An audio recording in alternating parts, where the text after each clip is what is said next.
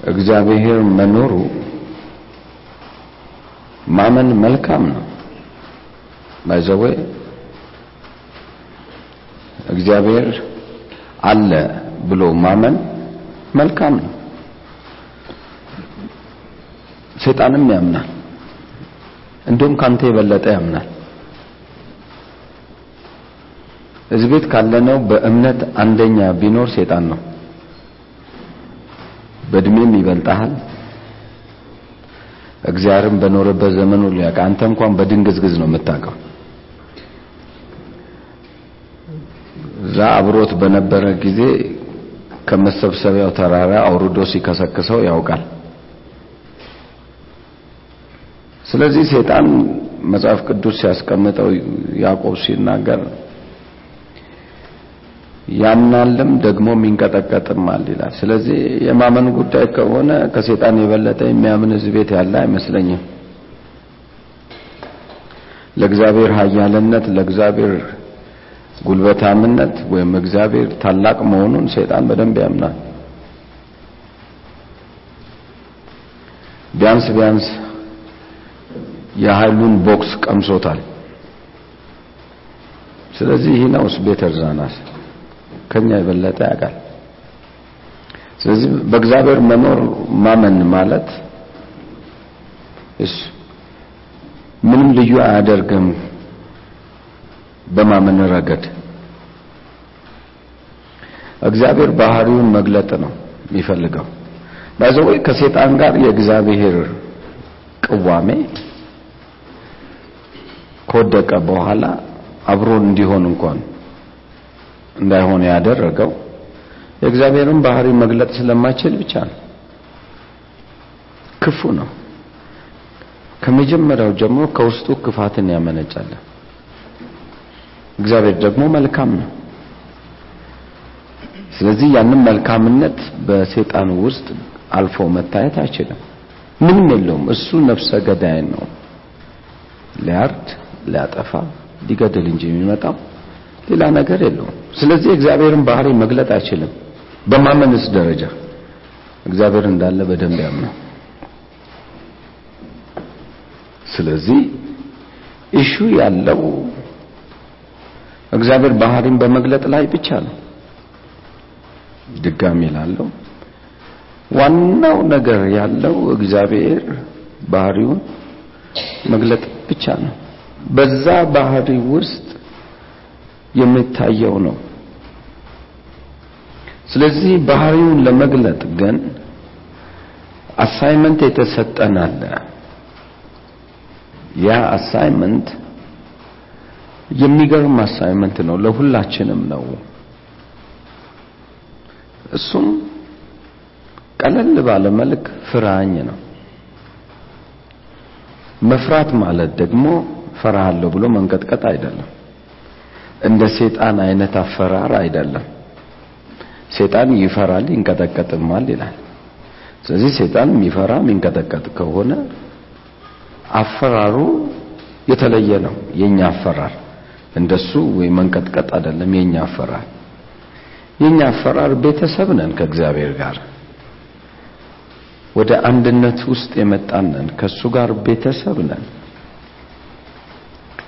ቤተሰብ ከሆንን ደግሞ በቤተሰብ ውስጥ መኖር የምንችለውን ያህል እንድንኖር ነው የሚፈልገው የእግዚአብሔር ሐሳብ። ስለዚህ የእግዚአብሔር ቤተሰብ ወይም ወዳጆች ወይም ደግሞ አካል የሆንን እኛ መግለጥ ያለብን የእግዚአብሔርን አስተሳሰብ የእግዚአብሔርን አካሄድ ከሆነ ፈራው የምትለው ሰውን ከክፉ ሲያደርግብህ በመልካም ስትመልስ እግዚአብሔርን እንደምትፈራ መገለጫው መንገዱ ይሄ ነው። ሰው ሲያታልል ይቅር ብለኸው ስትሄድ እግዚአብሔርን የምትፈራው በዚህ መንገድ ነው። ድጋሚ ላለው ሰው ሲያታልል ይሁን sorry ብሎ ሲመጣ ይቅር ብለህ ስትሄድ ወይም ከወንድምህ ከእህትህ ጋር ጉዳይ ኖሮክ ጉዳዩን ጨርሰ ወደ እኔ ና ነው ያለክ። መስዋዕትን ከማቅረብ በፊት ይቅር ተባባል። ያንን አድርገህ ስትመጣ እግዚአብሔርን ፈራህ ማለት ነው። የሰይጣን አፈራር ግን ከኃይል ጋር የተቀላቀለ ነው።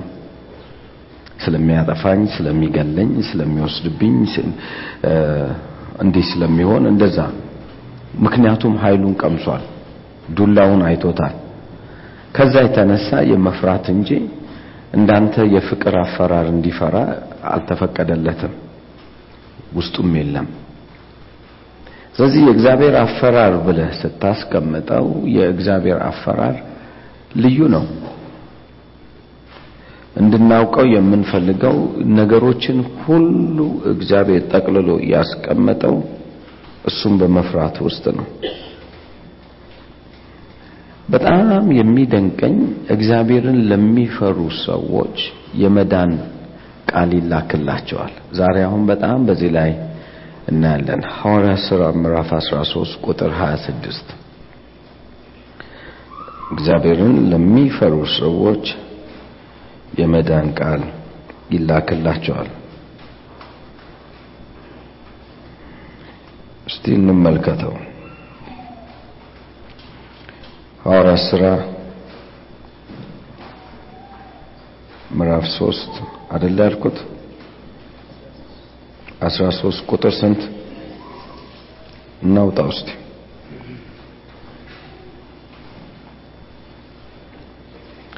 እናንተ ወንድሞቻችንን የአብርሃም ዘር ልጆች ከእናንተ መካከል እግዚአብሔርን የምትፈሩ ሆይ ለእናንተ የዚህ የመዳን ቃል ተላከ። did you see ለዚህ የመዳን ቃል ተላከ። ለእናንተ ነው የተላከው፣ ለሚፈሩ ሰዎች by the way ሰዎች እግዚአብሔርን ቃል መስማት ካቃታቸው የትንቢት ቃል ሲነገር ውስጣቸው በደም ስሙኝ። ዛሬ በጣም serious የሆነውን ስለሆነ ማወራው እናንተ እድሜያችሁን ለማገልገል ወይም future አችሁን ከእግዚአብሔር ጋር አጣብቃችሁ ለመኖር የምታስቡ ሰዎች ዛሬ serious ክፍል ስለሆነ ማወራችሁ የብዙዎቹ ሰዎች ችግር ነው እና እናንተ እንድትቸገሩ አልፈልግም። እግዚአብሔርን እየጠየቃችሁ እንዳይሆንላችሁ የሚሆንበት መንገዶች አንድ አምስት የሆኑ ክፍሎች አሉ። ከነሱ number one ግን ይሄኛው class ስለሆነ አሁን የማወራው ስለሆነ በደንብ አስተውሉ። እናንተ እግዚአብሔርን የምትፈሩ የመዳን ቃል ተላከላችሁ። በጣም ሂውጅ ክፍል ነው ይሄ። እየሰማህ የእግዚአብሔርን ቃል ውስጥ ማይነካ ከሆነ ከልቤ ነግረሃለሁ፣ እግዚአብሔርን መፍራት ውስጥ የለም። black and white እግዚአብሔር በትንቢታዊ ቃል መጥቶ ትንቢታዊ ነገር እየነገረክ ምንም ነገር senseless ከሆንክ በእርግጥ እነግርሃለሁ እግዚአብሔርን መፍራት ውስጥ የለም። ልትውል ትችላለህ ከእግዚአብሔር ቃል ጋር፣ ልተኛ ትችላለህ ከእግዚአብሔር ቃል ጋር፣ ልትወጣ ልትገባ ትችላለህ። or ደግሞ በ life ላይ ምርጫዬ ነው ብለህም እንኳን ምርጫዬ ነው እግዚአብሔር ብለህ እየኖርክም ሊሆን ይችላል። የትንቢት ቃል ወይም የሚላክልህ ቃል touch ማያደርግህ ከሆነ ምንም senseless የሆን ከሆነ እግዚአብሔርን መፍራት ውስጥ የለም። ምክንያቱም እግዚአብሔርን የሚፈራ ሰው ነው ተች የሚደረገው። እግዚአብሔርን የሚፈራ ሰው ነው የቃል ጉልበት የሚያገኘው። እግዚአብሔርን የሚፈራ ሰው ነው የመዳን ህይወትን የሚያገኘው። መዳን ስላችሁ ይሄ ከበሽታ መዳን ወይ የዘላለም ህይወት መዳን እሱ ሌላ ነው። ይህን መዳን ለምሳሌ ካለህበት የትኛውም አረንቋ የህይወት ስርዓት ውስጥ ወይም future ለሚሆነው ነገር ለሚመጣ ቃል ምንም ደንታቢስ ከሆንክ wrong ላይ ነው ያለኸው።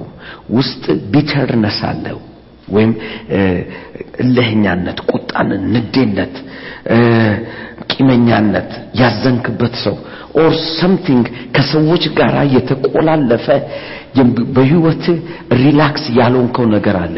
ምንም ነገር ስትሰማ ደስተኛ ሆነ አትሰማም። all in all በመልካም አታስብም or wrong attitude ነው የምትኖረው ማለት ከሰው ጋር እየኖርክ ሰውየውን እየጠላ ልትኖር ትችላለህ ስማኝ ከሰው ጋር እየኖርክ ሰውየውን እየጠላ መኖር ትችላል። ከሰው ጋር እየኖርክ ከሰው ከሰውየው ጋር አንድ ቀን በሆነ ምክንያት እንደምትለይ ታውቃለህ። ነገር ግን you pretend to live there ማለት አስመስለ አብረኸው ትኖራለህ አስመስለ አብረኸው ትወጣለህ አስመስለ አብረኸው ትገባለህ። ነገር ግን አንተ ግን የለህም። በዛ ሰው ላይ የሆነ ፈንጂ ነገር ይዘሃል በዛ ሰው ላይ በፈንጂ ነው የምትንቀሳቀሰው so ምን አይነት life ነው የምትኖር ሲባል የእግዚአብሔር ቃል ከወንድም ጋር በሰላም ኑር ስለምን የመዳን ቃል ቢመጣልህ እንኳን የመቀበል አቅም የለህም የመያዝ አቅም የለህም የመከተል አቅም የለህም ፈጽሞ የመከተል አቅም የለህም እግዚአብሔር ራሱ እግዚአብሔር ራሱ በልብህ ውስጥ እግዚአብሔር ነው ብሎ ይመነው እንጂ you are confused ነህ በደም ስሙ። You are confused ነህ የሆነ ነገሮች ትንሽ ትክክል መስተካከል ቢጀምሩ ራስን አታገኘውም በእግዚአብሔር ቤት ውስጥ። ስለዚህም የመዳን ቃል ወደ አንተ ሲመጣ አታውቀው ምክንያቱም ልብህ የተመዘገበ አይደለም። ድጋሜ ላለሁ ልብህ የተመዘገበ አይደለም ከእግዚአብሔር ጋር በምዝገባ ውስጥ አይደለም ያለው። እንዲሁ ብቻ ከመሆን ከማጣት ምን ምን ጎዳለሁ ምን መሆን ይችላል? ይሄ መንገድ ባይኖርም ቢኖርም እስቲ ሊሞክረው ነው። ነገሮች ግን ወደ አንተ ቢመጡ ወደምትፈልገው አስተሳሰብ ነገሮች ቢስተካከሉ ራስን አታገኘውም። አታገኘውም። ይነዊት ማለት ራስን ታየዋለ በሆነ ቦታ ላይ የማይፈለግ የማጠብቀው ቦታ ላይ ራስን ዘው ብለ ገብተ ታገኘውና am I here? ትላለህ። Why why why am I here? ከዛም በቃ ሆነ። ከዛ ተንቦራጭቀ ምን ብለህ ከዛ እንደገና ትወጣለህ። ለምን ሲባል እንትንክ something wrong ነው። Something wrong ነው። Something wrong ነው። ምንድን ነው ሲባል በውስጥ ያልወጣ ሐዘን አለ። በውስጥ ያልወጣ የተቋጠረ ነገር አለ ዳስ ዋይ እግዚአብሔርን መፍራት የሚባለው ነገር ቃል ለመስማት ነው። የመዳን ቃልን ለመስማት ነው። ሰዎች እግዚአብሔርን የሚፈሩት ከሆነ የመዳን ቃል ይመጣል። ነግሬያለሁ መፍራት ሲባል እግዚአብሔር ፊት መንቀጥቀጥ ይገለኛል ያጠፋኛል እንዳልሆነ ገብተዋል ከሰው ጋር ባለ relationship ነው። ከሰው ጋር ባለ አስተሳሰብ ነው። ለምሳሌ አንዳንድ ሰዎች አላያቸውም ዝም ብሎ ግንፍል ይላሉ። ግንፍል ብለው ይጫጫዋሉ ይጨቃጨቃሉ እነኚህ ሰዎች ውስጣቸው ያልወጣ የሌላ ማንነት አለ። የሌላ ማንነት አለ። በቃ እነኛ ውስጣቸው ያልወጣው የህይወት መስመር ያ ያልወጣው ነገር በልጅነቱ ልጅም ሆኖ ሊሆን ይችላል ወይም ትልቅ ሰው ሆኖ ሊሆን ይችላል or something ተፈጥሮ ሊሆን ይችላል ወይ አስተዳደጉ ላይ የመጣ messed up የሆነ ነገር ሊሆን ይችላል። ያ ሐዘን እግዚአብሔርን እንዳይፈራ ያደርገዋል። ለዚህ እኮ ነው ቅናት ምቀኝነት ክርክር ምናምን ትዝ መጽሐፍ ቅዱስ ሰው መቼም ሊከራከር ብሎ አይደለም። ካደገበት ነገር ነው ተነስቶ ምን የሚለው? የሚከራከረው ወይም ደግሞ ውስጡ ካስቀመጠው ነገር ነው የሚከራከረው። ለምሳሌ አንዳንድ ሰው ዝም ብሎ ይቀናል። ዝም ብሎ በማንም ሰው ነው የሚቀናው በማንም ሰው ነው እንትን በተሰለፈበት ጎዳና ሁሉ ይበጣበጣል ይበጣበጣል ይበጣበጣል። ለምንድን ነው የሚበጣበጠው ብትለኝ ሰውየው ከልጅነቱ የሆነ ቦታ ላይ ተበጥብጧል። ስለዚህ ያ ባህሪው river ነው ይወርዳል ወንዝ ነው ይወጣል ለዚህ ሰው የመዳን ቃል ይሰማዋል ወይ? አይሰማው እግዚአብሔር ራሱ መጥቶ አጠፋለሁ ቢለው እንኳን አይሰማም። እየሰማኝ ነው? እንኳን አይደለም apostle ነቢይ ወይ ከበደ አየለ ፓስተር ዓለም ሁሉ ተነስቶ ቢናገረው ሰውየው አይሰማም። ራሱ እግዚአብሔር መጥቶ ዛሬ ማታ አጠፋለሁ ቢለው እንኳን አይሰማም። ለምን አይሰማም? ምክንያቱም የሚሰማበት ጆሮ የለውም ሰውየው already river የራሱ ወንዝ አለው። የራሱ ምንጭ አለው። ሴጣን አይተሃል? አሁን እግዚአብሔር መጥቶ ቢያናግረው ይሰማዋል? አይሰማው ለምን ብትለን ከልቡ ራሱ የሚያመነጨው ማንነት አለው። እየሰማችሁ ነው? ከልቡ የሚያመነጨው ማንነት አለው።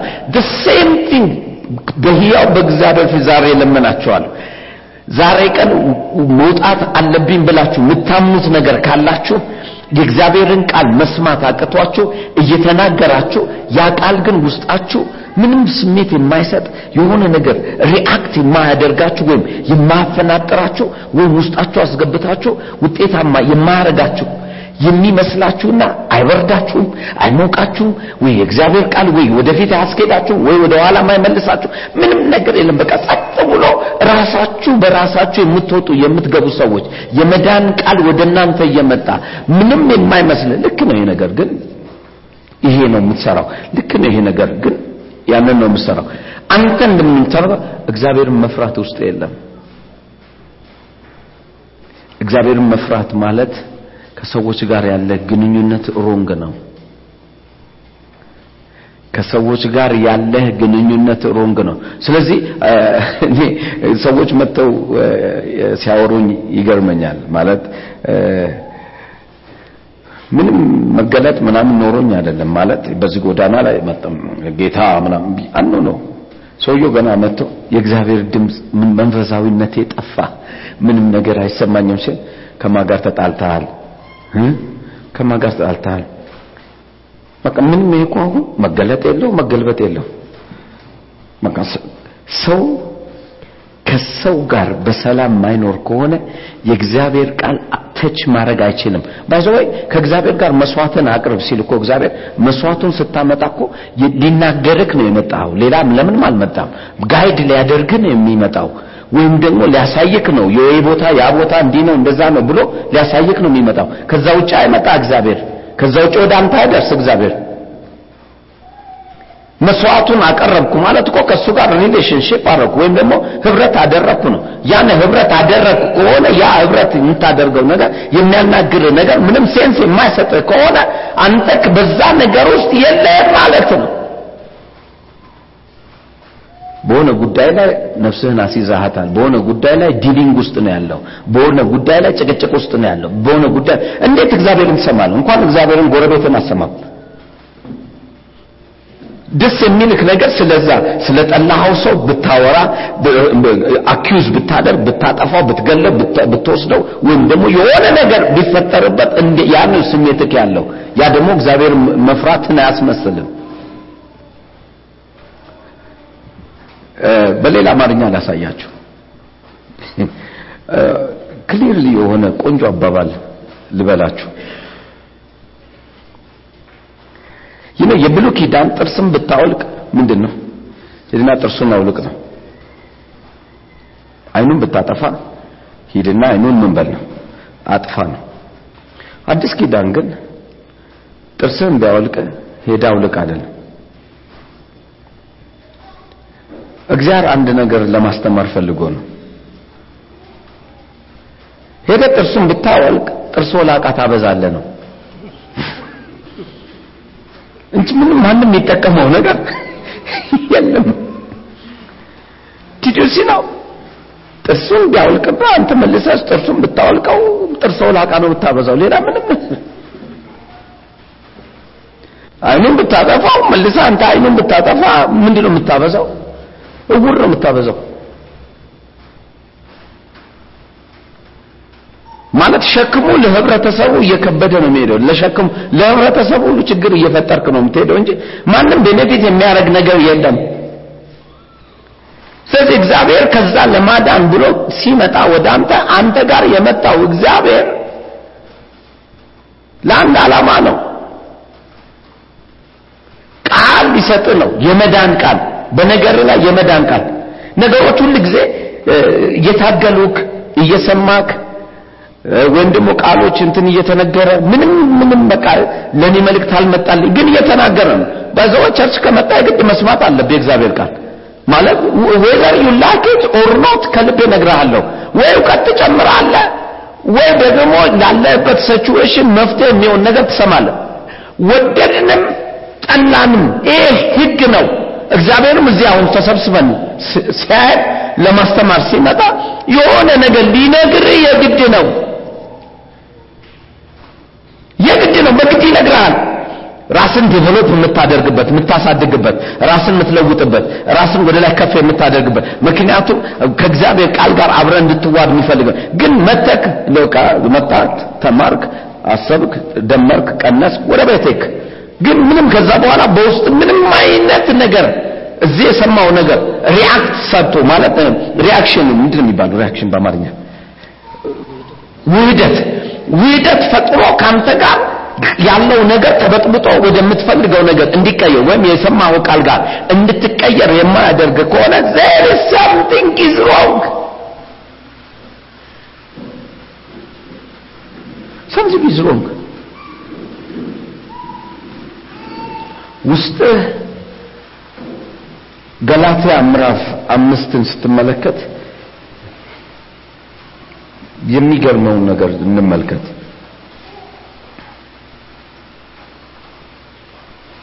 ቁጥር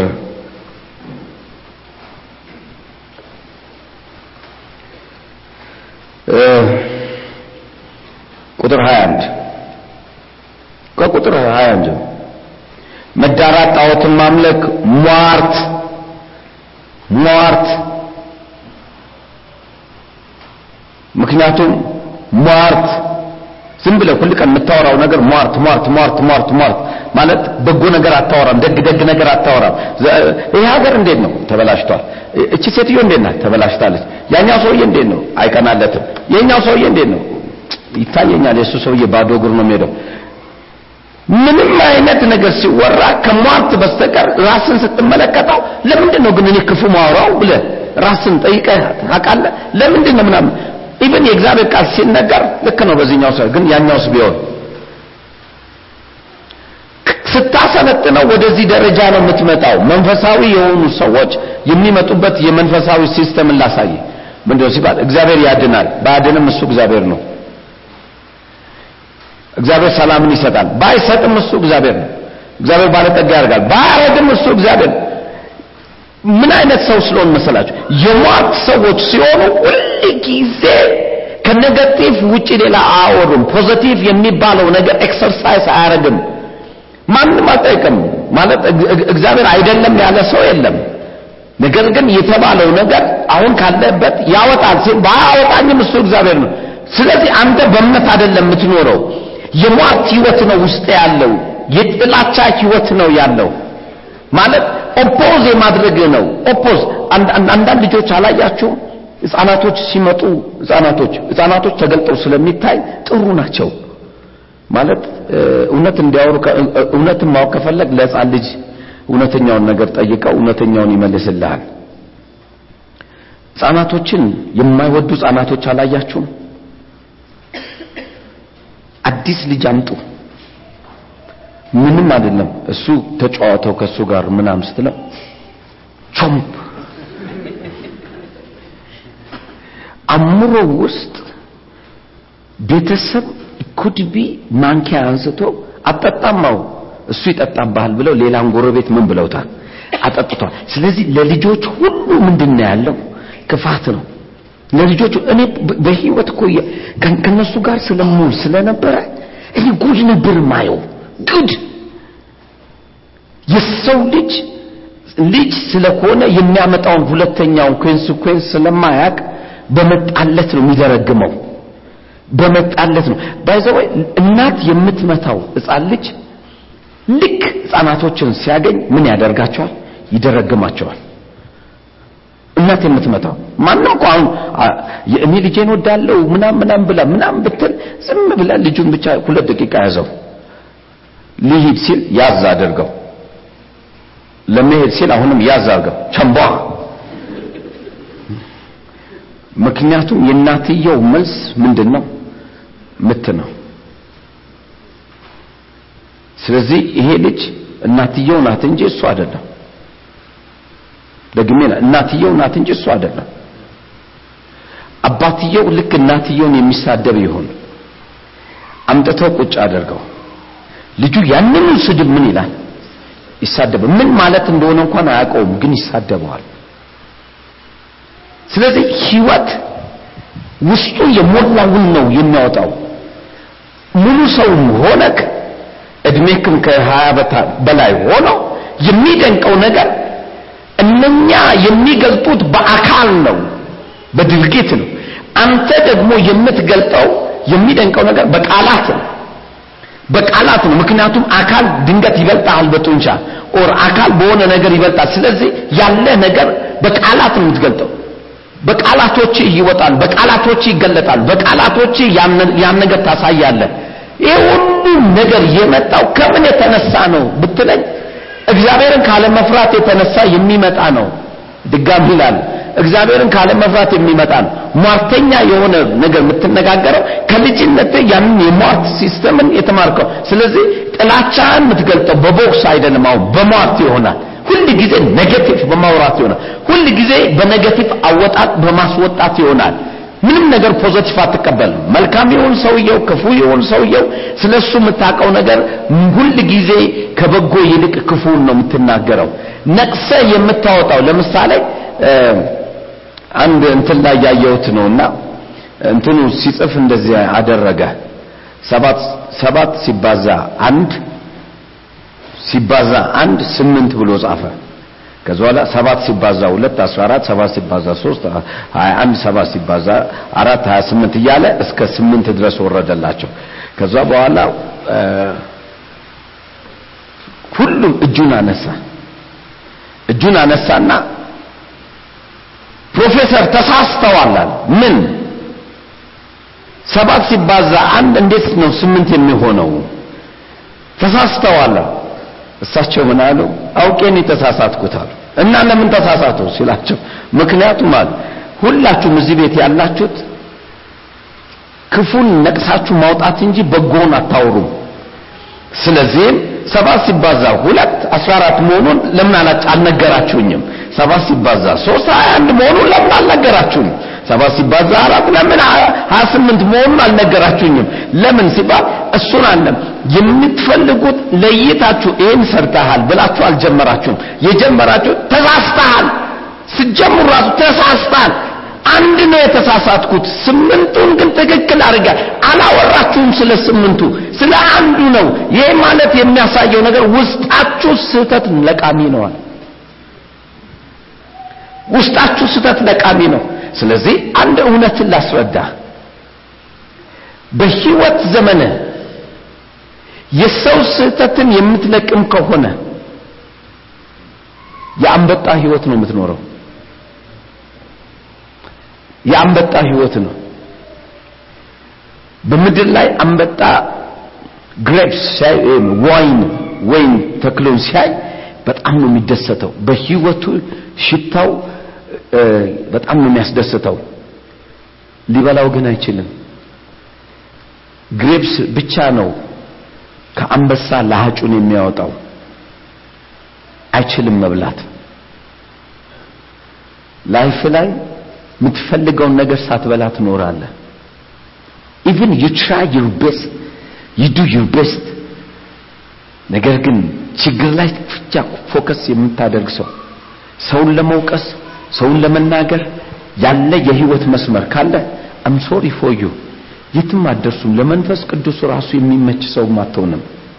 ምን አይነት ሰው ነው final የምትሆነው? መጽሐፉ ያለው ነገር ነው። ሟርተኛ ነው የምትሆነው። ሟርት ይቀናሃል። በሟርት ላይ መውጣት ትጀምራለህ።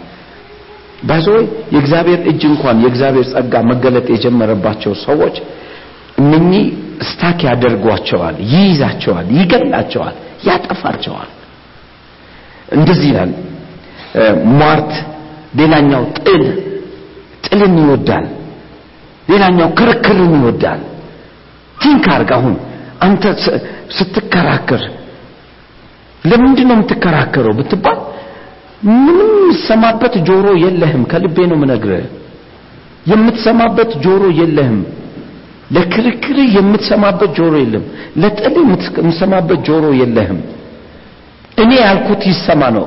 እኔ ከወንድሜ ይሻላል። by the way የክርክር ዋናው አርስቱ እኔ ካንተ እሻላለሁ ነው። ሌላ ምንም ነገር የለውም። እኔ ካንተ እሻላለሁ፣ የኔ idea ካንተ ይበልጣል። ቁጭ ብለህ እስቲ ሰዎች ሁለት ሰዎች የሚጨቃጨቁ ሰዎች በሌላ ነገር ሁሉ የሚስማሙ ነገር ግን ጭቅጭቅ በቃ ሁል ጊዜ በንግግር የማይጣጣሙ ሰዎች የማይጣጣሙ ምክንያቱም የኔ ሐሳብ ካንተ ሐሳብ ምን ይላል? ይበልጣል ይሻላል ነው። በጣም የሚገርመው ለምሳሌ እንሂድ። ባልና ሚስት ይጨቃጨቃሉ በል የፈለገ ብታስታርቃቸው አሁን አስታርቃ ብትወጣ ጭቅጭቁን አታቆሙ ለመሰላችሁ ማታቆሙ ሚስት ወርዳ አምሶሪ በቃ ይሄ ሰውዬ ራስ ነው እኔ ደግሞ አንገት ነኝ ብላ ማታምን ከሆነ። በእውነተኛው ነገር ራስ አይደለም የሚበልጠው። ማን ነው የሚበልጠው? አንገት ነው። ሰው ግን አልገባውም። ሁለቱ ምን መሆን ይፈልጋሉ? ራስ ይሆናሉ። ባይዘው አንገት እንደዚህ ከሆነ ዝም ብሎ እንደዚህ በሉ ስለዚህ ይሄ ሁሉ ይገጨዋል። ግን ሴትዮዋ ብልጥ ከሆነች ትክክል ነህ። እስቲ ወደ ግራ ስትል ዞር ብሎ ሳይ ወደ ነክ ነው በዚህኛው ነው የምታሽከረክረው ሴቷ ነው የምትሆነው። wisdom ካለ wisdom ከሌለ ግን ነገሩ በብጥብጥ አለቀ።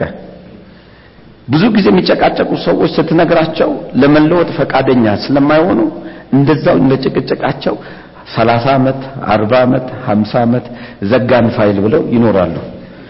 ገብቷቸዋል? ከዛ በኋላ ፍቅሩ ምን ይሆናል? ጭቅጭቅ ይሆናል። ነገሩ እንደዛ አልነበረም ይሄ የእግዚአብሔርም ሐሳብ አልነበረም። ትሩዝሊ የእግዚአብሔር ሐሳብ አልነበረም። ይሄ ጥል ክርክር ጥላቻ የሚመነጨው ከድሮ ከነበርክበት የህይወት መስመር ነው አሁን የገባህበት የህይወት መስመር መስመር ኢየሱስን ወዳለው ከሚል መስመር ነው። የፍቅር መንፈስ አርፎብኛል ከሚል መንፈስ ነው። ስለዚህ ልትጨቃጨቅ እንኳን ስትል የምትጨቃጨቀው አርስቱ ራሱ ይቀልብሃል። መሀልክ ላይ ያለው ሁለታችሁን ያገናኘው የፍቅር ያ የክርስቶስ የሆነው ነገር ያ እግዚአብሔርን የመፍራት ነገር ቫሊዩን ያሳጠዋል ያኛውም ቀሎ ይገኛል ያንተ ሐሳብም ቀሎ ይገኛል ከእግዚአብሔር ጋር ያለው ነገር ይሆናል ማለት ነው በጎ ነገሩ። ስለዚህ እግዚአብሔር በውስጥ ፍርሃት አለ ምትል ከሆነ የማዳን ቃል ይላክልሃል። የማዳን ቃል ከተላከልህ የሚመጣው consequence ኡ ምንድነው ሲባል ውጤት ነው። ምንድነው ሲባል ካለህበት situation ሰላምክ የተጠበቀ ነው አልፈህ መሄድ ትችላለህ። ነገር ግን ካልሆነ ግን ይሄኛው ህይወት ነው የሚገለጥብህ ክርክር ቅናት ቁጣ አድመኛነት መለያየት መናፍቅነት ምቀኝነት መግደል ስካር ዘፋኝነት ይህንም የሚመስል ነው። ራሱ በቃ ህይወቱ ይነግርሃል ህይወቱ ይመሰክርልሃል። እግዚአብሔር ማትፈራ ከሆነ እነኚህ ነገሮች በህይወት ይታያሉ። እፈራለሁ እያልክ ቸርች ውስጥ ልትኖር ትችላለህ። እፈራለሁ እያልክ ልትወጣ ልትገባ ትችላለህ። እፈራለሁ እያልክ የምታደርጋቸው ነገሮች ሊኖሩ ይችላል ለሰው ለድሃ ልታበላ ትችላለህ ምናምን። እንዲሁም ደግሞ መጽዋት ልትመጸውት ትችላለህ። ለአስራትን መባል ልትሰጥ ትችላለህ። ዋሬቨር የምታደርገው ነገር መንፈሳዊ ነው የሚባለውን ማንም ሰው እንደሚያደርገው ልታደርግ ትችላል ነገር ግን እነኚህ ምልክቶች ውስጥህ አሉ ወይ? እነኚህ ምልክቶች ያለ መፍራት ምልክት ናቸው። ምልክቶቹን ነው። አሁን እግዚአብሔር ከውጤት ጋር የሚያምን ነው ሰሞኑን እያስተማርኳችሁ ያለ ነገር አለ። ብርሃን ጨለማ እያልኩ የብርሃን ውጤት መልካምነቱ ቸርነቱ በጎነቱ የምታያቸው ነገሮች ውጤት ነው እንጂ የምታምነው እግዚአብሔር ብርሃን ነው ስላልክ እግዚአብሔር ብርሃን ነው ተብሎ አልሄደም። ውጤት ነው። ሴጣን ሴጣን ይሄ ሰውዬ ሴጣን ነው ስትል ግን ሴጣን ነው ያልከው ሰውዬ ምንድነው ሲባል ሴጣንን አይተኸው አይደለም። የሴጣን ባህሪ የሆነው እሱ ህይወት ውስጥ ስለታየ ነው። የሴጣን ባህሪ የሆነው ምቀኝነት ክፋት መግደል ማዋረድ ጭቅጭቅ እነኝ እነኝን የመሳሰሉ ሰው ሴጣን ስለሆነ ክፉ ነው የክፉ ስራ ነው ብለህ ሳይ ስራውን እንጂ የምታሳየው ሴጣንን እኔም አንተም አይተነው የምናውቅ አይመስለኝም። እኔ በበኩል አላየሁም። አንተ ካየው እኔ እንጃ። ሊዮናርዶ ዳቪንቺ የሳለውን ግን እንዳታመጣልኝ። ከእውነተኛው ነገር የመንፈሳዊ የዓለም system ኡ በስጋ የሚገለጠው የእግዚአብሔር color ወይ የእግዚአብሔር መልክ ይሄን ይመስላል ብለህ ያስቀመጥከው እግዚአብሔር በራሱ በቃሉ ላይ ያለው ነው። ስለዚህ አንድ እውነትን ተረዳ። ምን አይነት እውነት? በደንብ ይው ምንድን ነው እስቲ እኔ ሁል ቀን የሚበጠብጠኝ ብለህ ጠይቅ ሁል እኔ የሚበጠብጠኝ ምንድን ነው just ቁምና ከዳንክበት ጊዜ ጀምሮ እስከ ዛሬ ቀን ያለውን ነቅሳ አውጣ። የሚበጠብጡኝ ነገሮች ምንድን ናቸው? አንድ ነገር ጀምሬ ሁል ቀን የሚቆሙበት ነገሮች ምንድን ናቸው? ውጤታማ እንዳልሆን የሚያደርጉኝ ነገሮች ምንድን ናቸው? ነክሳ አውጣ ውስጥ አሁን እያንዳንዱን እያየ ምንድን ናቸው? ምንድን ናቸው? እነኚህ ነገሮች ለእኔ ምንድን ናቸው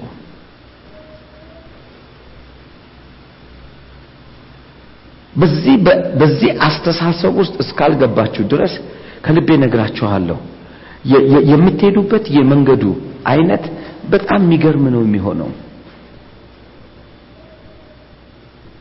ለምን የእግዚአብሔር ቃል መጥቶ ከዚህ ነገር ውስጥ ነፃ አላወጣኝም?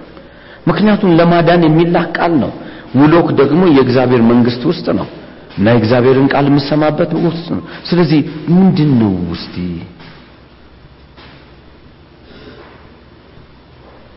ቁጭ በልና ለራስ አንድ አንድ ጥያቄ ጠይቅ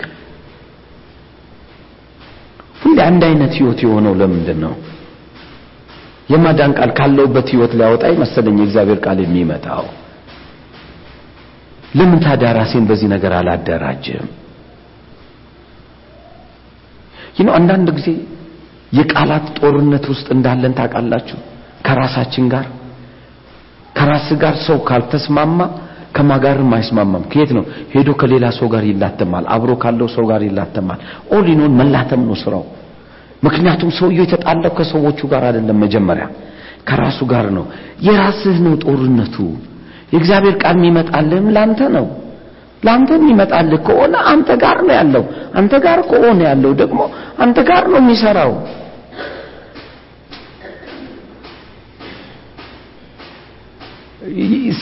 ለምንድን ነው እስቲ ከሰው ጋር የምጋጨው ብለህ ሲጠይቅ ራስህ? ለምንድን ነው ከሰው ጋር የምከራከረው? ለምንድን ነው ምንድን ነው የመጨረሻው ዓላማዬ ግብ ለሌለው ነገር ለምን እጋጫለሁ? ግብ ለሌለው ነገር ለምን እከራከራለሁ ግብ ለሌለው ነገር ለምን quarrel እፈጥራለሁ? ሁከትን ለምን እፈጥራለሁ? አንዳንድ ጊዜ even እንኳን ሰውየው እንደማይለወጥ ታውቃለህ። ካንተ ሩቅ እንደሆነ ታውቃለህ። በምንም መንገድ ልትገናኙ እንደማትችል ታውቃለህ። ያለው chance ምንድን ነው ሲባል ለምን መከራከሩን ትመርጣለህ? አንዳንድ ሰው የመለወጥ ባህሪ የሌለው ሰው አለ። ባይዘው እግዚአብሔር አዚቲዝ እንደያዘክ ታውቃለህ አንዳንድ ሊለውጥ መጥቶ አቅቶት አቅቶት አቅቶ በቃ ትቶክ በዛ ጉዳይ እንደማይናገርክ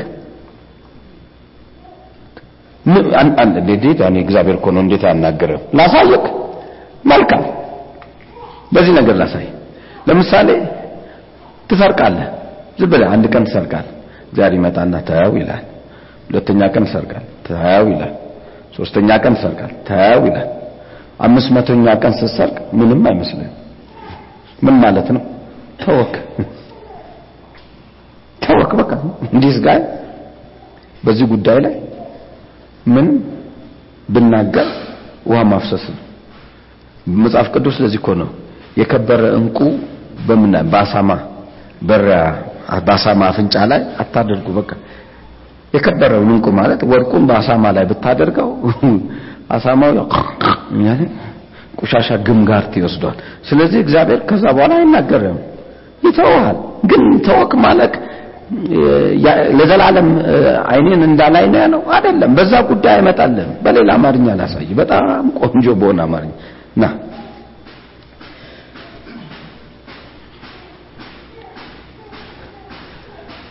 እግዚአብሔር by the way በዚህ መልክ ነው ካንተ ጋር deal አድርጎ የሚኖረው። በዚህ መልክ አሁን በማሳይህ መልክ ነው deal አድርጎ የሚኖረው። ግን ዲልህን አንተ ማስፋትም አለማስፋትም የራስ ፋንታ ነው። ለዚህ ነው መዳናችሁን ከፊት ይልቅ ታበዙ ዘንድ ያለው። ይህ እንዲህ አለው። ኢየሱስ ያድናል ያድናል? ተቀብያለሁ ሲለው ጌታ መጣ በዛ በር በኩል።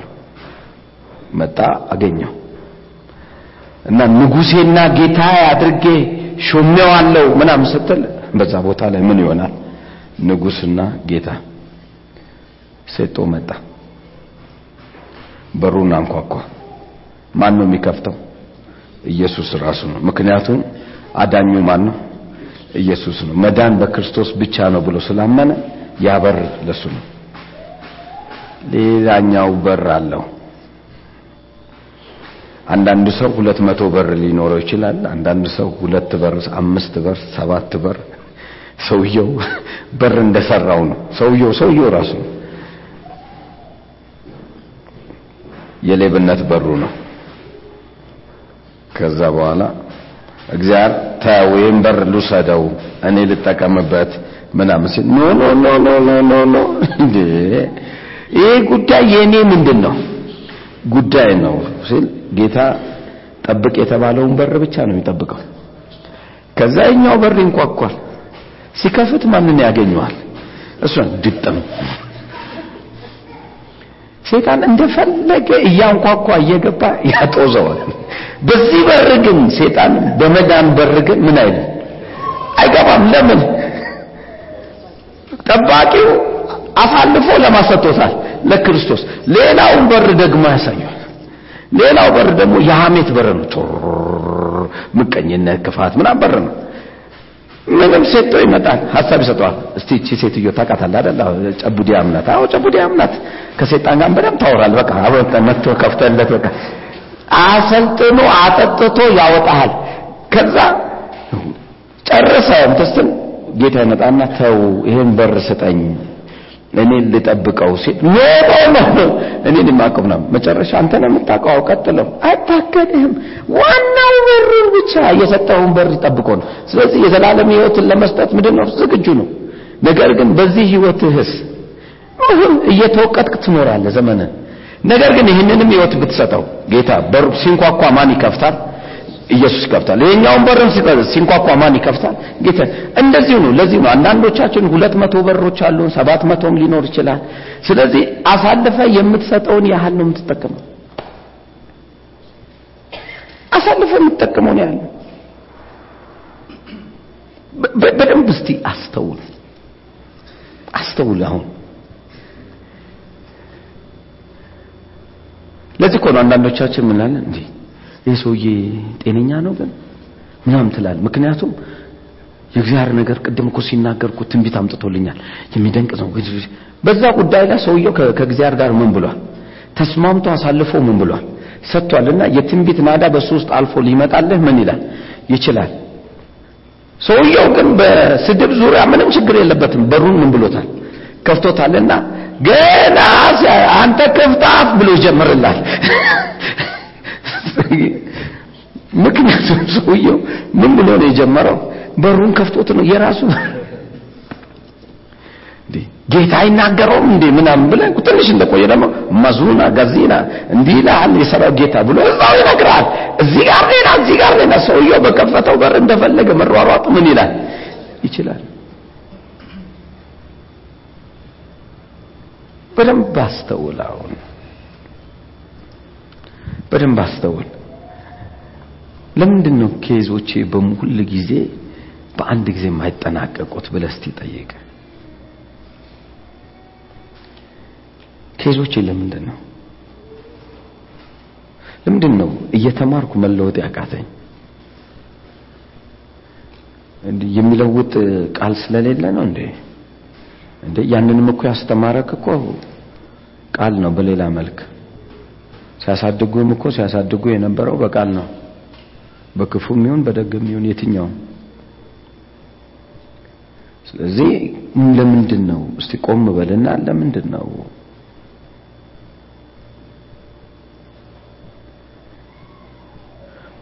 የመዳን ቃል ይመጣላቸዋል። እግዚአብሔርን የሚፈሩ የመዳን ቃል ይመጣላቸዋል ካለ ተላከላቸው ካለ ለምንድን ነው መዳን ያቃተን ታዲያ ይነው ሁል ጊዜ ነግሬሃለሁ። የኔ ትምህርት challenge ነው። እግዚአብሔር ጋር ችግር እንደሌለ ማንም ሰው ያምናል። ደግሜ እላለሁ እግዚአብሔር ጋር ምንም ችግር እንደሌለ እዚህ ቤት ውስጥ የማያምን ሰው ካለ I'm sorry እግዚአብሔር አይደለም የምታመልከው። እግዚአብሔር ጋር ችግር ኖሮ አያውቅም። ችግሩ በእኔና በአንተ መካከል ባለ ህይወት ነው። እግዚአብሔርን ተሳስተሃል ቢለው አንድ ሰው ችግር የለም አእምሮ እስኪከፈትለት ነው። አእምሮ የተከፈተለት እኔ ስተተኛ ብሎ እንደገና ልቡ ይመለሳል ወደ ልቡ መመለስ። አሁን ነገሩ ያለው እግዚአብሔር ተሳስቶ አይደለም ወይም እግዚአብሔር ጋር ሆኗል። ነገሩ ያለው እኔ እናንተ ጋር ነው። or ከዛ ሲያልፍ ደግሞ ቤተሰብ ጋር በነበረ ችግር ነው። ወደ አንተ ምን ይላል? ይሄዳል። የቤተሰብም ችግር ወደ አንተ ስለሚዞር። ነገር ግን እግዚአብሔር ጋር አይደለም ችግሩ when to come reality ላይ ስትመጣ አንተ እንትን እንደሆነ ይገባሃል። okay እንግዲህ እግዚአብሔር right ከሆነ አሁን wrong ኡ ምኑ ጋር ነው? wrong ኡን ነው አሁን እየነቀስ ነው የምናወጣው። ችግሩ ያለው wrong ጋር ነው። አይተህ ታውቃለህ? ስለ ራሱ የማይኖር ሰዎችን? ስለ ራሳቸው የማይኖሩ ሰዎች ሰውን መስለው የሚኖሩ ሰዎች ሰው ነው ሰው ነው የሚመስሉት። በቃ ሰው ሰው እንጂ ራሳቸውን መስለው አያውቁም። ራሳቸውን በመምሰል አይወጡም ራሳቸውን በመምሰል አይገቡም። ሰው ነው የሚመስሉት። ምን ማለት ነው ዳንኤል? ለምሳሌ እሷ ስታማ አገኘ አብሮ ያማል። እሷ ደግሞ ስትሰድብ አገኘ ሰደበ። እሱ ደግሞ ሲባርክ አገኘ ባረከ እሷ ደግሞ ሁለቱንም ባርካም ስትሰድብ ማለት ባረከችም ሰውየው ማን ነው የሁሉም ነው ማለት ህብረተሰብ ነው እንጂ ሰውየው። ወር ደግሞ በማህበር ተደራጅተው ገዝተውታል እንጂ ሰውየው ራሱን አይደለም ዲዲሲ አንዳንድ ሰው እንደዚህ ነው። የራሱ የሆነ ነገር የለውም። ለምሳሌ ስለ አንድ ነገር ስታወራ እንዲህ የተበላሸ ይመስለኛል ምናም ስትል አዎ ተበላሽቷል እንጂ ቅርብ ጭቅርበቅል ከዛ ዞር ሲጨርስ ደግሞ ከዛ ጋር ኧረ በትክክል ነው የሰራው። እውነት እኮ በትክክል ነው ትክክል ነው የሰራው። ሁለቱ ሲገናኙ እሱ የለም።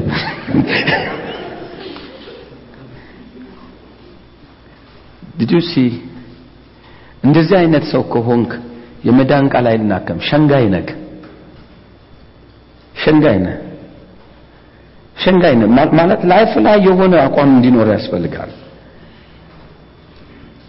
life ላይ የምታምነውን ነው መጀመሪያ መስራት ያለብህ። ምንም ነገር ብትጠይቀን በመጽሐፍ ቅዱስ ላይ በምንም ነገር የማምነው ነው የምነግርህ። የፈለገ ነገር አምጥተህ ብታወራኝ ከእንትኔ ጋር ማለት ከራዕዩ ከሚሄድበት ነገር ጋር አስተያየቸው ማስማማ ከሆነ የራስ ችግር ነው። የኢትዮጵያ ህዝብ በሙሉ wrong ነው ቢል right ነው ብዬ ነው ማምነው I care ለምን? ካየሁት ነገር ጋር ከምሰራው ነገር ጋር መጽሐፉ አግዞ መንፈስ ቅዱስ ያለ ጋር ከሆነ እግዚአብሔር ብሏል ብዬ ማምነው ከሆነ ወይ እግዚአብሔር ያላለው ከሆነ ግን cancel ማድረግ ምንድነው ችግሩ? did you see now አሁን ምንድነው ስትለኝ አንድ እውነት አለ እግዚአብሔርን የሚፈራ ሰው ሸንጋይ ሰው አይደለም። right ኡን ነው የሚያወራ። right ኡን ትክክሉን ያወራል ይሄ ነገር እንደዚህ ነው። በቃ አለቀ። እግዚአብሔርን የሚሸነግል ሰው ሲሆን ግን ሰውን የሚሸነግል ሰው ሲሆን ግን እግዚአብሔር የማዳን ቃል አይመጣለትም። የማዳን ቃል አይመጣለትም። የማዳን ቃል በህይወት ውስጥ የለም። የለም የማዳን ቃል ከልቤ ልንገራችሁ። አንዳንድ ሰው ከእግዚአብሔር ጋር ያለው ካለው pressure ለማረፍ ብቻ ነው። የሚያደምጠው ሰው ስለሌለ ስለሚያደምጠው ነው። አልገባም ፈረንሳይኛው። alright ሰዎች ሰዎች ማለት ነው። መደመጥ ይፈልጋሉ። እዚህ ቤት መደመጥ የማይፈልግ ማንም የለም። ሁላችንም እንፈልጋለን መደመጥ። የተማረ ያልተማረ ከበደ የለ አየለ የለ ሁሉም ምን ይላል? መደመጥ ይፈልጋል። በደም ስማ መደመጥ ይፈልጋል። የሚያደምጠው ሰው ስለሌለ እግዚአብሔር ፊት ይንበረከክና ያወራል። እግዚአብሔር ደግሞ አንድ ቀን ቆይኔ ላውራ ብሎ አያውቅም። ከሚደንቅ part እኔ ላውራ ብሎ አያውቅም እግዚአብሔር። ጨርስ ነው። by the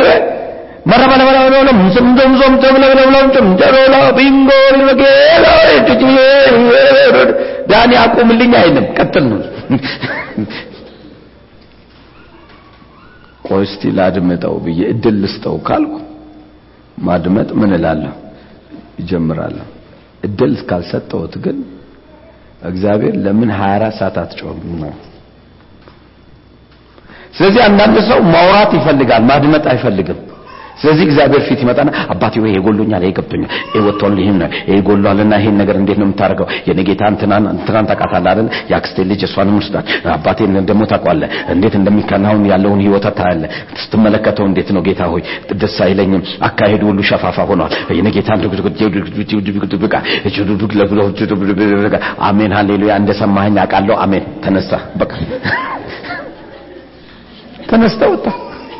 እና what do you expect him? አሁን እንደ እግዚአብሔርን የምታስበውን አስብ። What do you expect him? ምን እንዲነግር ታስባለህ?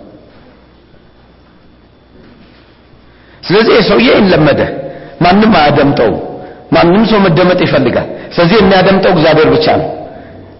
ይስማውም አይስማውም ያወራዋል። ስለዚህ ያወራል። በቃ አለቀ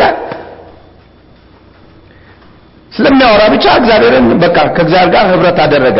ልክ ሽንትን ስለምሸና ማለት አከታትለ በአራት በአራት ሰዓት በተሸና በዛ ሰዓት ሽንት እንደሚመጣው መጸለይ ይመጣብሃል። ጠዋት ላይ ስትነሳ ዛሬ መጸለይ አለብህ። እሰይ ጌታ ሆይ ተመልከተው ጸሎትን ንግግር ነው ያስከው ከሱ ጋር ማለት ማስተዋወቅ ነው ያስከው የነገርኩን ታስታውሳለህ። ከሶስት ዓመት በፊት እንዲህ ብዬ ነበር።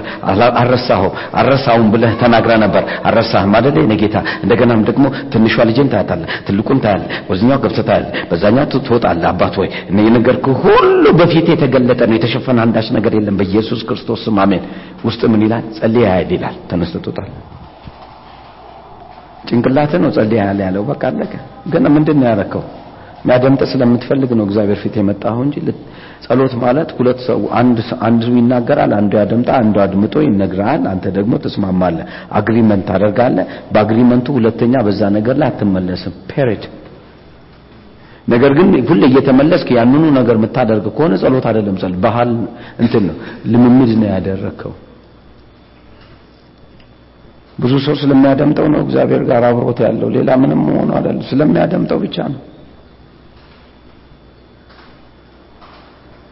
ኪያስ አንድ እውነታ ተረዳ።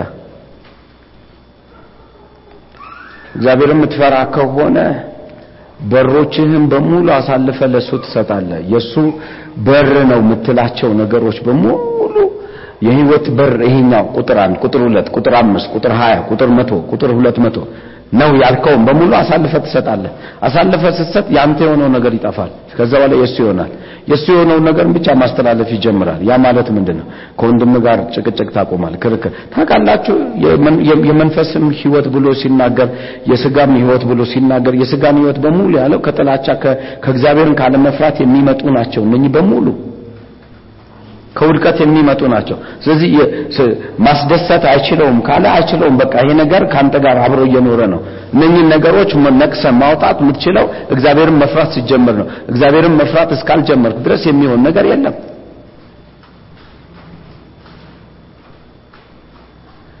ማን እዚህ ቤት ውስጥ ይጠላል? አሁን በመንፈስ መመላለስ ኖበዲ ማናችንም አንጠላም። ነገር ግን ማን ማን እግዚአብሔርን መፍራት ይወዳል ሲባል? ሁላችን እስቲ በስራ ግለጠው ሲባል እሱ ጊዜ ነው። ሁሉም እጅ ፍሬ እግር ፍሬ ሌላም ፍሬ ነው ያለው ካለ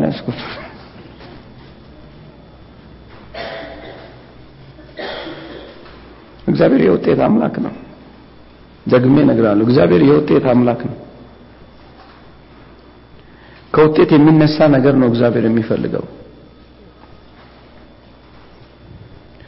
ደግሜ እላለሁ። እግዚአብሔር ከውጤት የሚነሳ ማንም እንኳን even እንኮ እግዚአብሔር እኮ even እኔ የጠራሁት እንኳን ቢሆን እኮ ነው ያለው። እግዚአብሔር ራሱ የጠራው እንኳን ቢሆን እግዚአብሔር የጠራው በዚህ ይለያል ይለው እግዚአብሔር ጠርቶክ እንኳን የምትለይበትን ሳይን ቦርዱን አስቀምጦልሃል።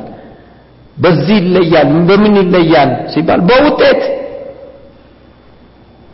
በውጤት ነው የሚለየው ያለ ውጤት አትለይም ውጤት ነው የሚለይ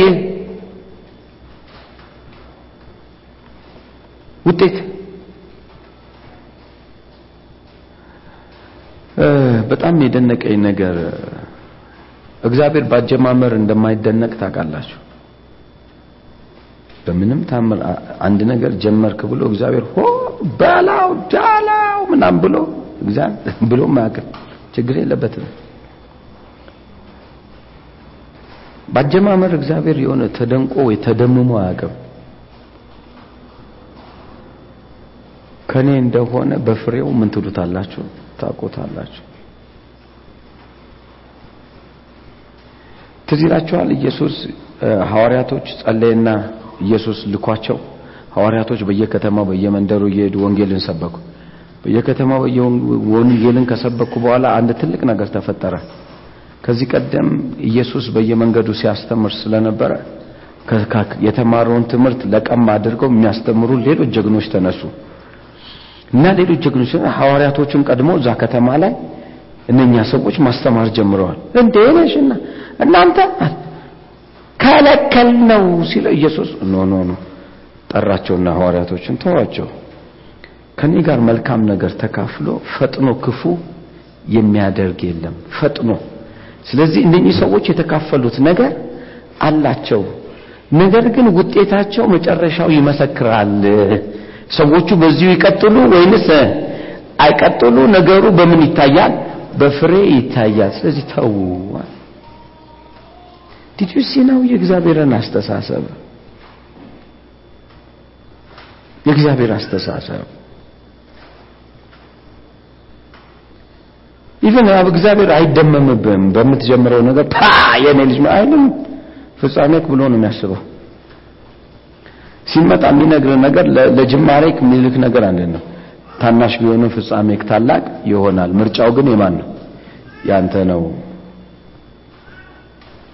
በፍርሃት ከጀመርክ ፈርተ ብትጨርስ ውጤት የተሻለ ይሆናል።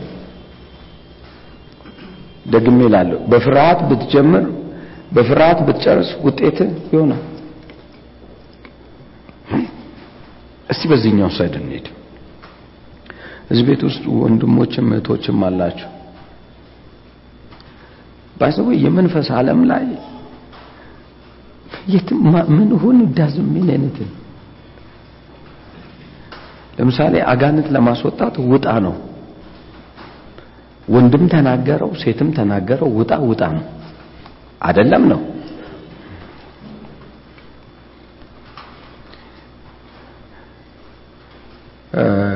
ተፈወስ ተፈወስ ነው። እግዚአብሔር ሰላም ነው ሲል ሰላም ነው ማለት ወንድም አለ ሴትም አለ ምን difference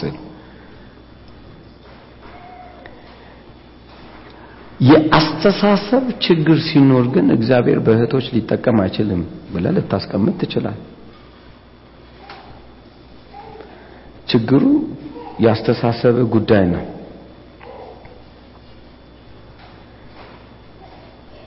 የአስተሳሰብ ጉዳይ ነው። አስተሳሰብ ምን ያለ አስተሳሰብ ነው? ምን አይነት አስተሳሰብ ነው የሚያስበው? ሁሌ የሚያስበው አስተሳሰብ የበታችነት ከሆነ ሁሌ በታችን መቼም ላይ ሆነ አታውቅም። አስተሳሰብ ሁል ጊዜ በላይ ከሆነ ወደ ላይ የምትወጣበት መሰላሎች ይዘጋጁላል።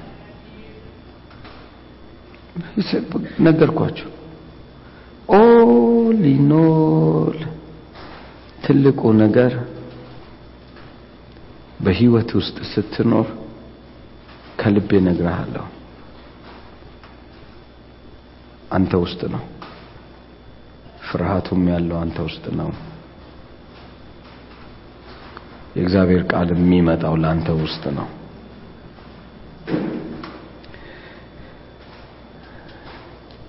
እስቲ አንድ ነገር እናውራና ልጨርስላችሁ።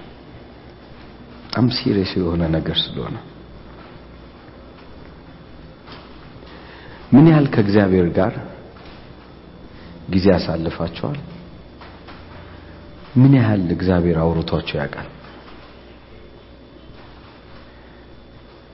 ይሄ አሁን ራስ አእምሮክ ይመልሰው ከራስ ጋር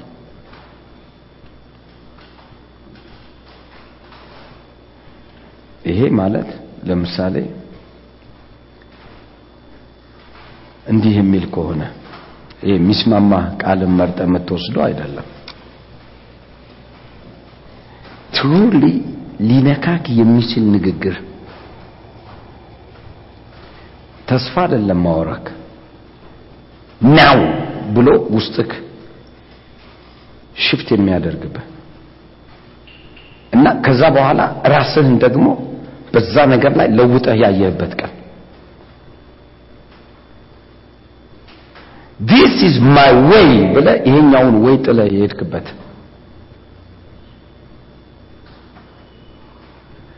by the way ይሄ life እኮ በየቀኑ እንዲሆን ነበር እግዚአብሔር የፈለገው። ጳውሎስ ለዚህ ነው ያለው። እለት በእለት እንሞታለን። ማውራት የፈለገው ይህንን ነው። ማናችንም መለወጥ የሚያስፈልገን ነገር አለን። every day መጣል የሚያስፈልገን ነገር አለ ጥቃቅን ናቸው ብለን ያላየናቸው ለምን እንደሆን ታቅ ተስማምተን ስለኖርን ነው። ልክ ከእግዚአብሔር ጋር መስማማት ሲጀምር እችኛዋንም ያችኛዋንም እችኛዋንም ያችኛዋን እየነቀሰ ያሳያል። ባይዘው እግዚአብሔር አንድም ቀን ግብዳ ነገር ጠርቶ አያውቅም። ትልቅ ነገር ጠርቶ አያውቅም። ትልቅ ነገር ጠርቶ አያውቅም። ምንም ትልቅ ነገር ተናግሮ አያውቅም ጥቂቷን ነው የሚያወራው። በጥቂቷ ነው የሚመዝንህ። በጥቂቷ ያያሃል በጥቂቷ ይመዘግብሃል። በጥቂቷ ያነሳሃል። ጥቂቷን ነገር ነገሮች ጥቂት ናቸው። ጥቂት በጥቂት ነው አንተንም ማሰልጠን የሚፈልገው። ይህንም በመጽሐፍ ቅዱስ ላይ ጳውሎስ ይህን ሁሉ ጉዞ ተጉዞ ይህን ሁሉ ጉዞ መጥቶ ከእውቀት ከፍለን እናውቃለን አለ። ምክንያቱም እሱ ውስጥ ያለ ሌላ ሊማረው የሚገባ ነገሮች አሉ የሉም? አሉ። ስለ ባህሪው ከፈለክ ጳውሎስን የሚደንቅ ባህሪ ነው። ከአንድ ባህሪ ተነስቶ አንዱን ሲጥል አንዱን ሲጥል አንዱን ሲጥል እየመጣ ያለን። ባይዞ ጳውሎስ ሁሉ ውስጥ ንዴት አለ? አለ። ጳውሎስ ውስጥ ቁጣ አለ? አለ። ተቆጥቶ ያወራል። ሐዋርያቶቹን ሁሉ አምቷል አምቷል። እኔ አይደለሁም መጽሐፉ ነው ያለው። ከዋነኞቹ አንደኛ ናቸው የተባሉት ወደ እነሱ ሄጄ እንኳን አንዳችም ነገር ምን አላሉኝም? አልጨመሩልኝም። ቀንበሬን ሊያበዙ የሚፈልጉ ምን ይበሉ? ይውደቁ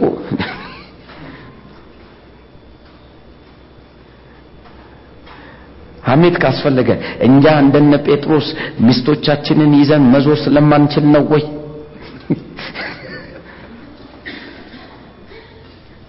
ይሄ ሰውዬ በየቀኑ ምን እያደረገን ነው? እየጣለ በጣም ትልቅ አስተማሪ በህይወቴ ለኔ ጳውሎስ ነው። ሰምታይምስ ስሰማው አለቅሳለሁ።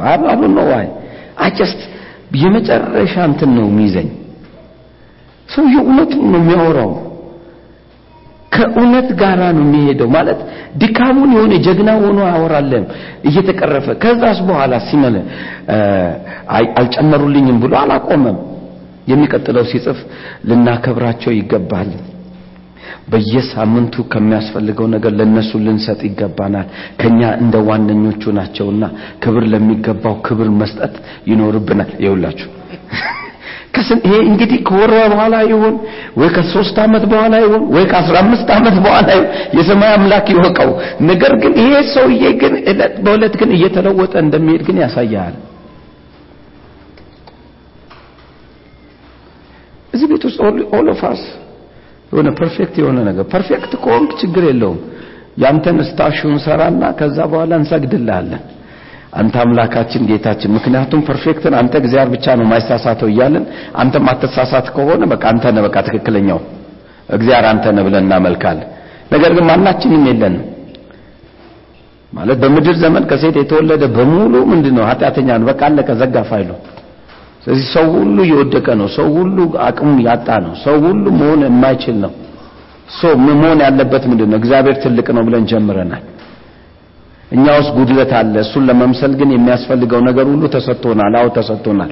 እንዴት exercise እናደርገው ነው? በቃ exercise የምናደርግበትን መንገድ መክፈት ነው። ድጋሚ ይላለሁ exercise የምናደርግበትን መንገድ መክፈት ነው። እሱም አሁን ተሰጥቷል ደግሜ ላለው እሱም አሁን ምን ብሏል? ተሰጥቷል ብትወድ በያው በእግዚአብሔር ፊት ረጅም ጉዞ ትሄዳለህ።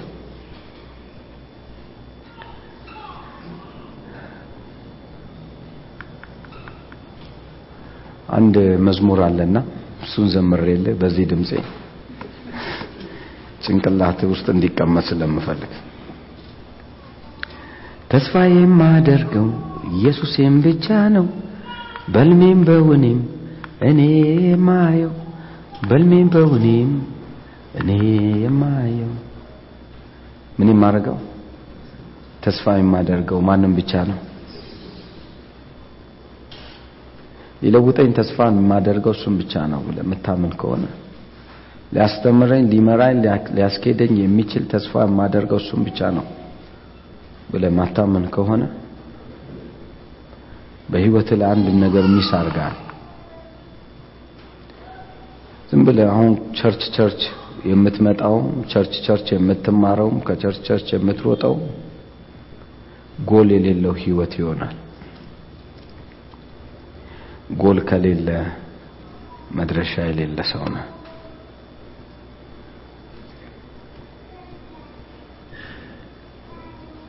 አንድ ልንገርህ። በዚህ ድራማ መሰረት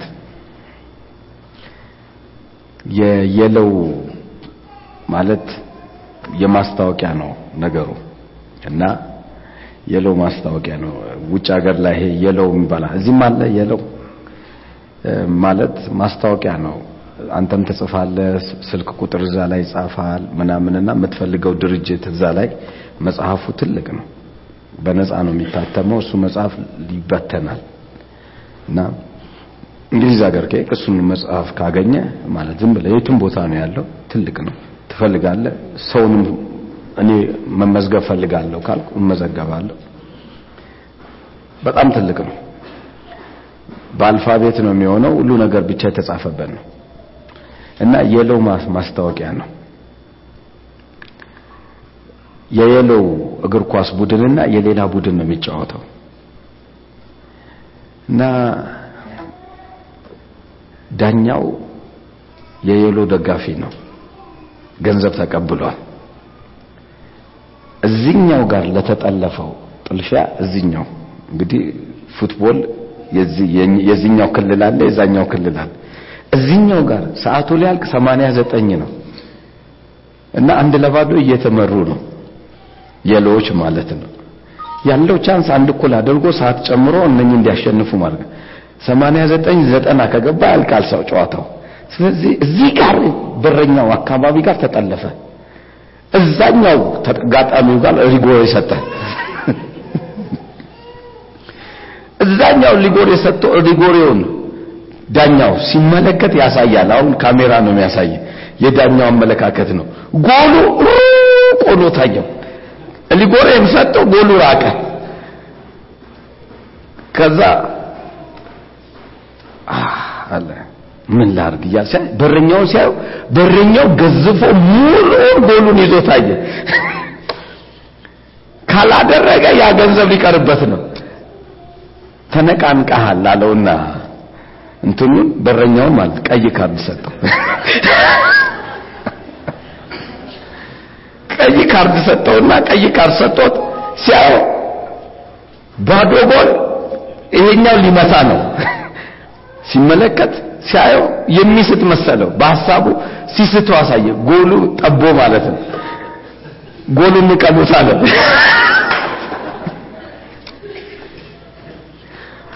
ጎሉን አስነቀለና ኳሱ እንደዚህ ኳሱን በፈለከው ብትመጣ ያንን ጎል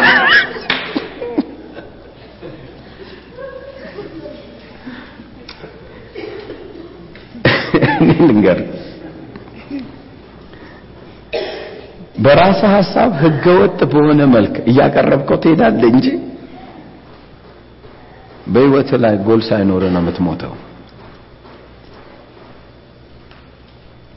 አንተ ያቀረብከው ይመስልሃል። ስለሚጨንቅህ እንደዚህ አምጥተህ ያስገባ እንደዚህ ያስተካከልከው ይመስልሃል። ተስፋ የምታደርገው ግን እግዚአብሔር ከሆነ ራሱ ነገሩን ይሰራዋል አትረበሽም። ራሱ ያደርገዋል። በዚህኛው ጎን እስቲ እንይ፣ በዚህኛው ጎን እንይ። ውሳኔ ወስነህ ውጣ። ለምንድን ነው እየጸለይኩ የማይመለሰው? ምንድን ነው ችግሬ? እግዚአብሔርን የሚፈራ ሰው እሱ ምን ይላክለታል? የመዳን ቃል ሐዋርያ ሥራ ምዕራፍ 13 ቁጥር 26 የመዳን ቃል ቾይስ ነው። የመዳን ቃሎች የማይመጣ ከሆነ there is something is wrong with እኔ ከእግዚአብሔር ወገን ነኝ፣ እግዚአብሔርም ከኔ ጋር ነው። በብዙ በረከት እወጣለሁ፣ በብዙ በረከት እገባለሁ።